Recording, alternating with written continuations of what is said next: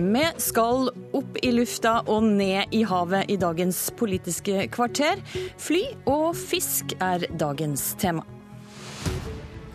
God morgen. Denne sendinga starter i de høyere luftlag. For i går kom meldinga om at regjeringa utsetter den mye diskuterte flypassasjeravgifta, som etter planen skulle ha blitt innført 1.4.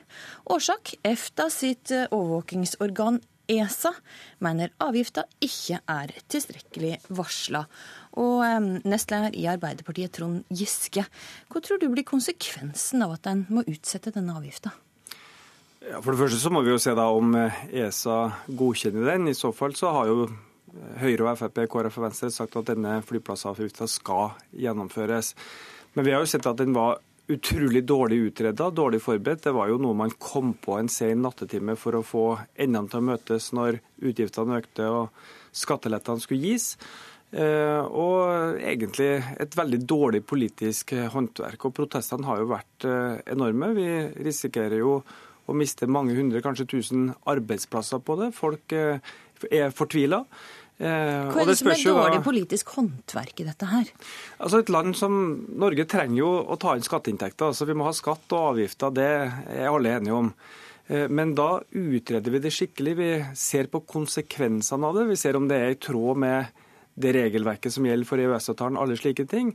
Denne avgifta, akkurat som plastposeavgifta for et år siden, laga man jo bare når man satt og forhandla i Stortinget. Bare fant på den fordi at man trengte pengene, og det er veldig dårlig politisk håndverk. Det er selvsagt eh, de fire partiene i Stortinget som må ta ansvar for det, men det er jo til sjuende og sist Finansdepartementet, finansminister Siv Jensen, regjeringa, som har ansvaret for å passe på at de vedtakene som gjøres i disse forhandlingene, faktisk er faglig forankra. Her er det gjort et utrolig dårlig håndverk igjen, akkurat som med plastposeavgifta i fjor. Den hadde ikke miljøvirkning, den hadde mye bivirkninger. Og da måtte man til slutt droppe den. Og vi skulle hatt med oss eh, finansminister Siv Jensen eh, her på telefonen, men har litt problemer med å oppnå kontakt kikka inn på teknikeren min. Nei, hun er ikke, er ikke helt med oss ennå. Men du hevda, Trond Giske, at dette er avgift som ble vedtatt i de seine nattetimer. Men det har jo de fire borgerlige partiene sagt at sånn er det ikke. Dette stemte ikke. Den ble vedtatt på, Dette fant de ut på dagtid. Ja da, det er mulig at de fant ut på dagtid. Men Hvorfor ikke, gjentar du det gang den, den på gang da? Den lå ikke inne i det statsbudsjettsforslaget som kom fra regjeringa. Det var ikke noe som lå der, noe som var utreda, noe som var sendt på høring. Tvert imot så vedtar man det i Stortinget først for å dekke gapet mellom store skattekutt og økende utgifter. Og så sender man det på høring, og så finner man ut at det kanskje er brudd med EØS-avtalen. Og så finner man ut at det koster kanskje Østfold 1000 arbeidsplasser. Og det er en veldig dårlig måte å behandle næringslivet på. De trenger forutsigbarhet, de trenger stabilitet, og de trenger at de vedtakene som gjøres, er trygt forankra i faglige vurderinger. Og der har vi fått med oss eh, Siv Jensen, finansminister fra Frp. Er denne utsettinga som, eh, som eh, ble varsla i går, er det første skritt å skrote hele avgifta? Vi fastholder at uh, denne avgiften skal innføres slik uh, Stortinget bestemte før jul. Uh, og det er også slik at Finansdepartementet hele tiden har ment at fritaket for transfer som har vært på høring, heller ikke er i strid med EØS-avtalen og statsstøtteregelverket. Men hvorfor spurte ikke det ESA med en gang om dette var innafor regelverket? Fordi det er i utgangspunktet slik at Stortinget fatter skatte- og avgiftsvedtak helt suverent, eh, med mindre man mener det er i strid med statsstøtteregelverket. I denne saken så har Finansdepartementet vært helt klare på at de mener det ikke er det. Men, Men der tok de altså feil, eller de burde i hvert fall ha spurt ESA, slik at denne, denne saken ble avklart litt tidligere? Ja, det gjenstår jo å se eh, hvem som har eh, rett i dette. Men nå, når ESA nå likevel har valgt å ville behandle saken, eh, og de også har sagt at de vil gjøre det raskt, så mener jeg at det er mer fornuftig at de utsetter iverksettelsen av avgiften til 1.6. Men den har vært på høring. Eh, og eh, intensjonen er å gjennomføre det slik Stortinget vedtok før jul. Nå vet jeg ikke om du har fått med deg alle angrepene som Trond Giske kom med, før vi klarte å få det på lufta her, Siv Jensen. Men det blir altså hevda fra Arbeiderpartiet at dette er et avgift som eh, viser dårlig politisk håndverk, som, der en kommer til, kommer til, å gå hardt utover distrikta, og kommer til å føre til at en mister masse arbeidsplasser på Rygge. Hva er ditt svar til det? Det er i hvert fall slik at um avgiftsutformingen med fritak for eh, eh, transfer vil være viktig nettopp for distriktene. For hvis man ikke hadde den type fritak i avgiften, så ville det bli veldig dyrt. Hvis man skulle reise fra et punkt veldig nord i Norge og måtte bytte fly flere ganger. Så det i seg selv har jo en god distriktspolitisk profil. Men det er jo slik at eh, når Stortinget fattet vedtaket før jul, Eh, med sikte på innføring 1.4, så er det nettopp for eh, å gi næringslivet tilpasningsmuligheter.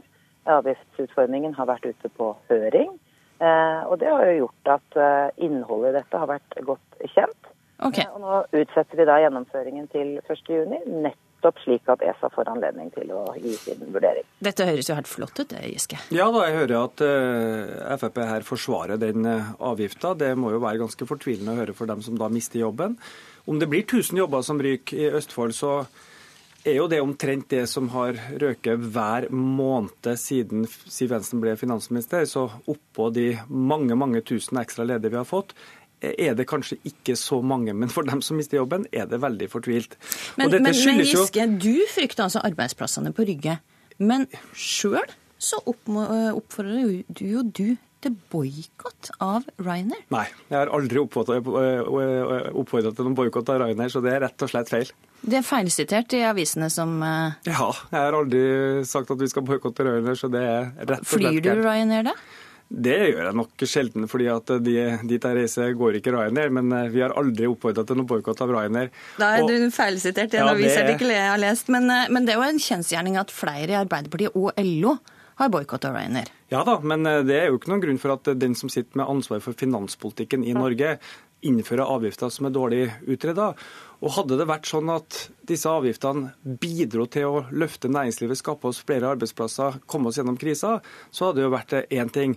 Men det gjør det ikke. Det bidrar ikke til miljø. Det bidrar bare altså til at noen bedrifter får store problemer.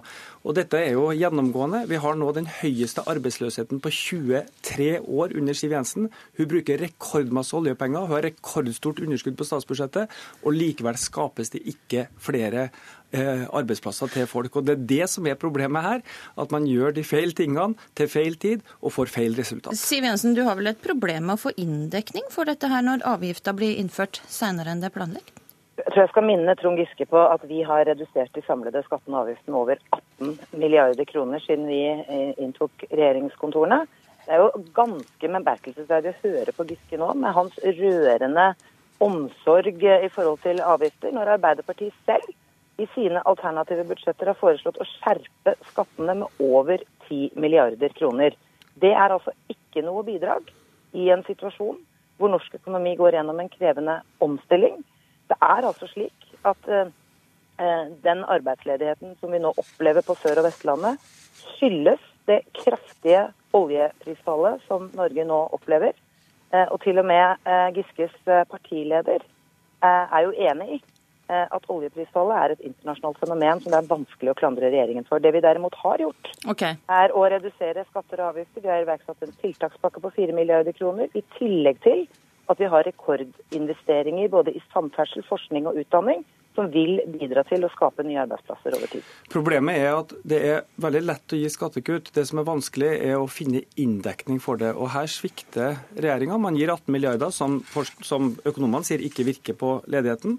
Og så klarer man ikke å kutte man prøvde. Eh, Siv Jensen foreslo jo eh, kutt i sykelønna for de lavtlønte. Man foreslo kutt i bilstøtta til de funksjonshemmede. Man foreslo kutt i kulturtilbudet for de eldre. Hvilke økonomer er det du mener, Giske? Altså, VG, VG, Hvilke økonomer er det som har sagt at kutt i selskapsskatten ikke er bra for norsk næringsliv? Altså VG intervjua 25 av de ledende økonomene i Norge, hvor man så først og fremst på formuesskatten, som er et av de største. Eh, og de sa dette har ingen effekt for sysselsettinga. Og halvparten av skattekuttene til Siv Jensen går til de 5% rikeste. Jeg lurer, på, jeg lurer på Siv Jensen, hva du ville sagt det hvis vi satt i regjering, hadde rekordhøy ledighet, antall byråkrater økte, man ikke fikk kontroll på underskuddet på statsbudsjettet, man ikke klarte å inndekke de utgiftene man kom, kom med, og fant på avgifter gang etter gang som poseavgift og som eh, flyplassavgift. Jeg tror den Siv Jensen som satt i opposisjon, hadde vært ganske kritisk til den Siv Jensen som sitter i Finansdepartementet okay. når dette skjer. Vi, og ledigheten er rekordhøy. Vi styrer økonomien godt og trygt i en urolig tid.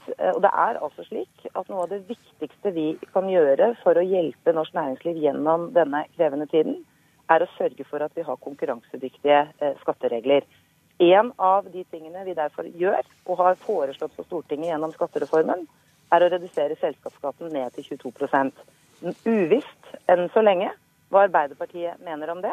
Det eneste vi vet når det gjelder Arbeiderpartiet og skatt, det er deres alternative budsjetter, hvor de har foreslått å skjerpe skattene med over 10 milliarder kroner. Og jeg har ikke hørt én bedriftsleder si at det vil være kjærkomment i den vanskelige tiden de nå står i. Der fikk du siste ord. Takk, Siv Jensen. Takk, Trond Giske. Vi skal ta den litt ned fra de høyere luftlag nå i Politisk kvarter og snakke om fisk. Og det Arbeiderpartiet kaller et gedigent mageplask for vår ferske fiskeriminister. For regjeringa ville lage en helt ny og mer liberal fiskeripolitikk, men i Stortinget blei det bråstopp. Og fiskeriminister Per Sandberg, du er nå med oss på telefon fra Senja. Og eh, du ønska bl.a. å lempe på leveringsplikta, slik at trålere ikke lenger måtte levere til ett bestemt lokalsamfunn, men kunne velge sjøl innenfor fylket. Men dette gikk jo ikke helt etter planen. Er du skuffa? Nei. Eh, vi foreslo å regulere leveringsplikten. Eh, nå har Stortinget, Jeg syns faktisk Stortinget og næringskomiteen har gjort masse kloke valg. Eh, for det som er viktigst av alt her nå, det er at man har en, et samla politisk miljø som lager rammevilkår for fiskerinæringa som holder i lang tid, altså som er forutsigbar. Eh, og da har altså næringskomiteen samla eh, ønska seg en utvidelse av den kommisjonen som regjeringa foreslo. Eh, det er at man ser på alle disse pliktene, altså bearbeidingsplikten, leveringsplikten aktivitetsplikten samla. Så du er nøyd med at du ikke fikk gjennom den liberaliseringa som du i utgangspunktet ønska? Ja, nå har ikke komiteen verken sagt ja eller nei, da. Det komiteen har sagt, det er at jeg skal sette ned en hurtigarbeidende kommisjon som skal se på alle disse pliktene samla sett. Og så skal jeg da legge fram eh, da, en ny innstilling for Stortinget Eh, sent eh, høsten 2016. Eh, Ingrid Heggø, fiskeripolitisk talsperson i Arbeiderpartiet. Du kaller altså regjeringa sitt forsøk for et mageplask. Men du hører jo Per Sandberg er fornøyd? Ja, Det er jo et gedigent mageplask, og det var jo første prøvesteinen for eh, Per Sandberg, dette da. Eh, og jeg skjønner godt at ikke han vil snakke om konsekvensene hvis hans egen politikk og regjeringens politikk hadde blitt gjennomført. For det hadde gått utover arbeidsplassene langs hele kysten. Eh, det hadde vært en rasering av lokalsamfunnene. Og det hadde òg vært å samle kvotene på noen få hender som da hadde blitt styrtrike. Mia Per Sandberg, du har møtt motspør for regjeringa sitt forslag, også blant eh, de tre nordligste fylkeslagene i ditt eget parti. Er det grunnen til at du ikke tar det, eh, det manglende gjennomslaget så tungt? Først få lov til å si til Arbeiderpartiet og Heggø, da, hvis man allerede har konkludert nå med at en regionalisering av leveringsplikten ville være en katastrofe, så er det merkelig at Arbeiderpartiet da ikke slår fast det nå Eh, men utsette det da til høsten for å se, se på alle pliktene samla sett. Men eh, jeg tror jo ikke noe på disse eh, denne meldinga fra Arbeiderpartiet om at dette ville bli en katastrofe. For det som er viktig nå, det er at man skaper lønnsomhet. Og jeg tror ikke noe på at vi politikerne kan regulere oss fram til lønnsomhet. Det er en helt andre ting. Fiskeri, fiskeriindustrien står overfor enorme utfordringer. Det er kundene og markedet som bestemmer hvilke produkter eh, som er attraktive i markedet. Og Da tror jeg vi skal overlate til fiskeren og eh, fiskeindustrien sjøl å avgjøre hva som vil være lønnsomt framover.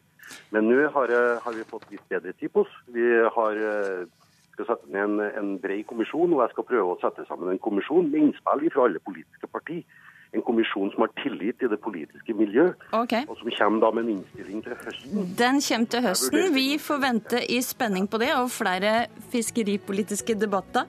Det var ukas siste Politiske kvarter. I studio i dag var Astrid Randen.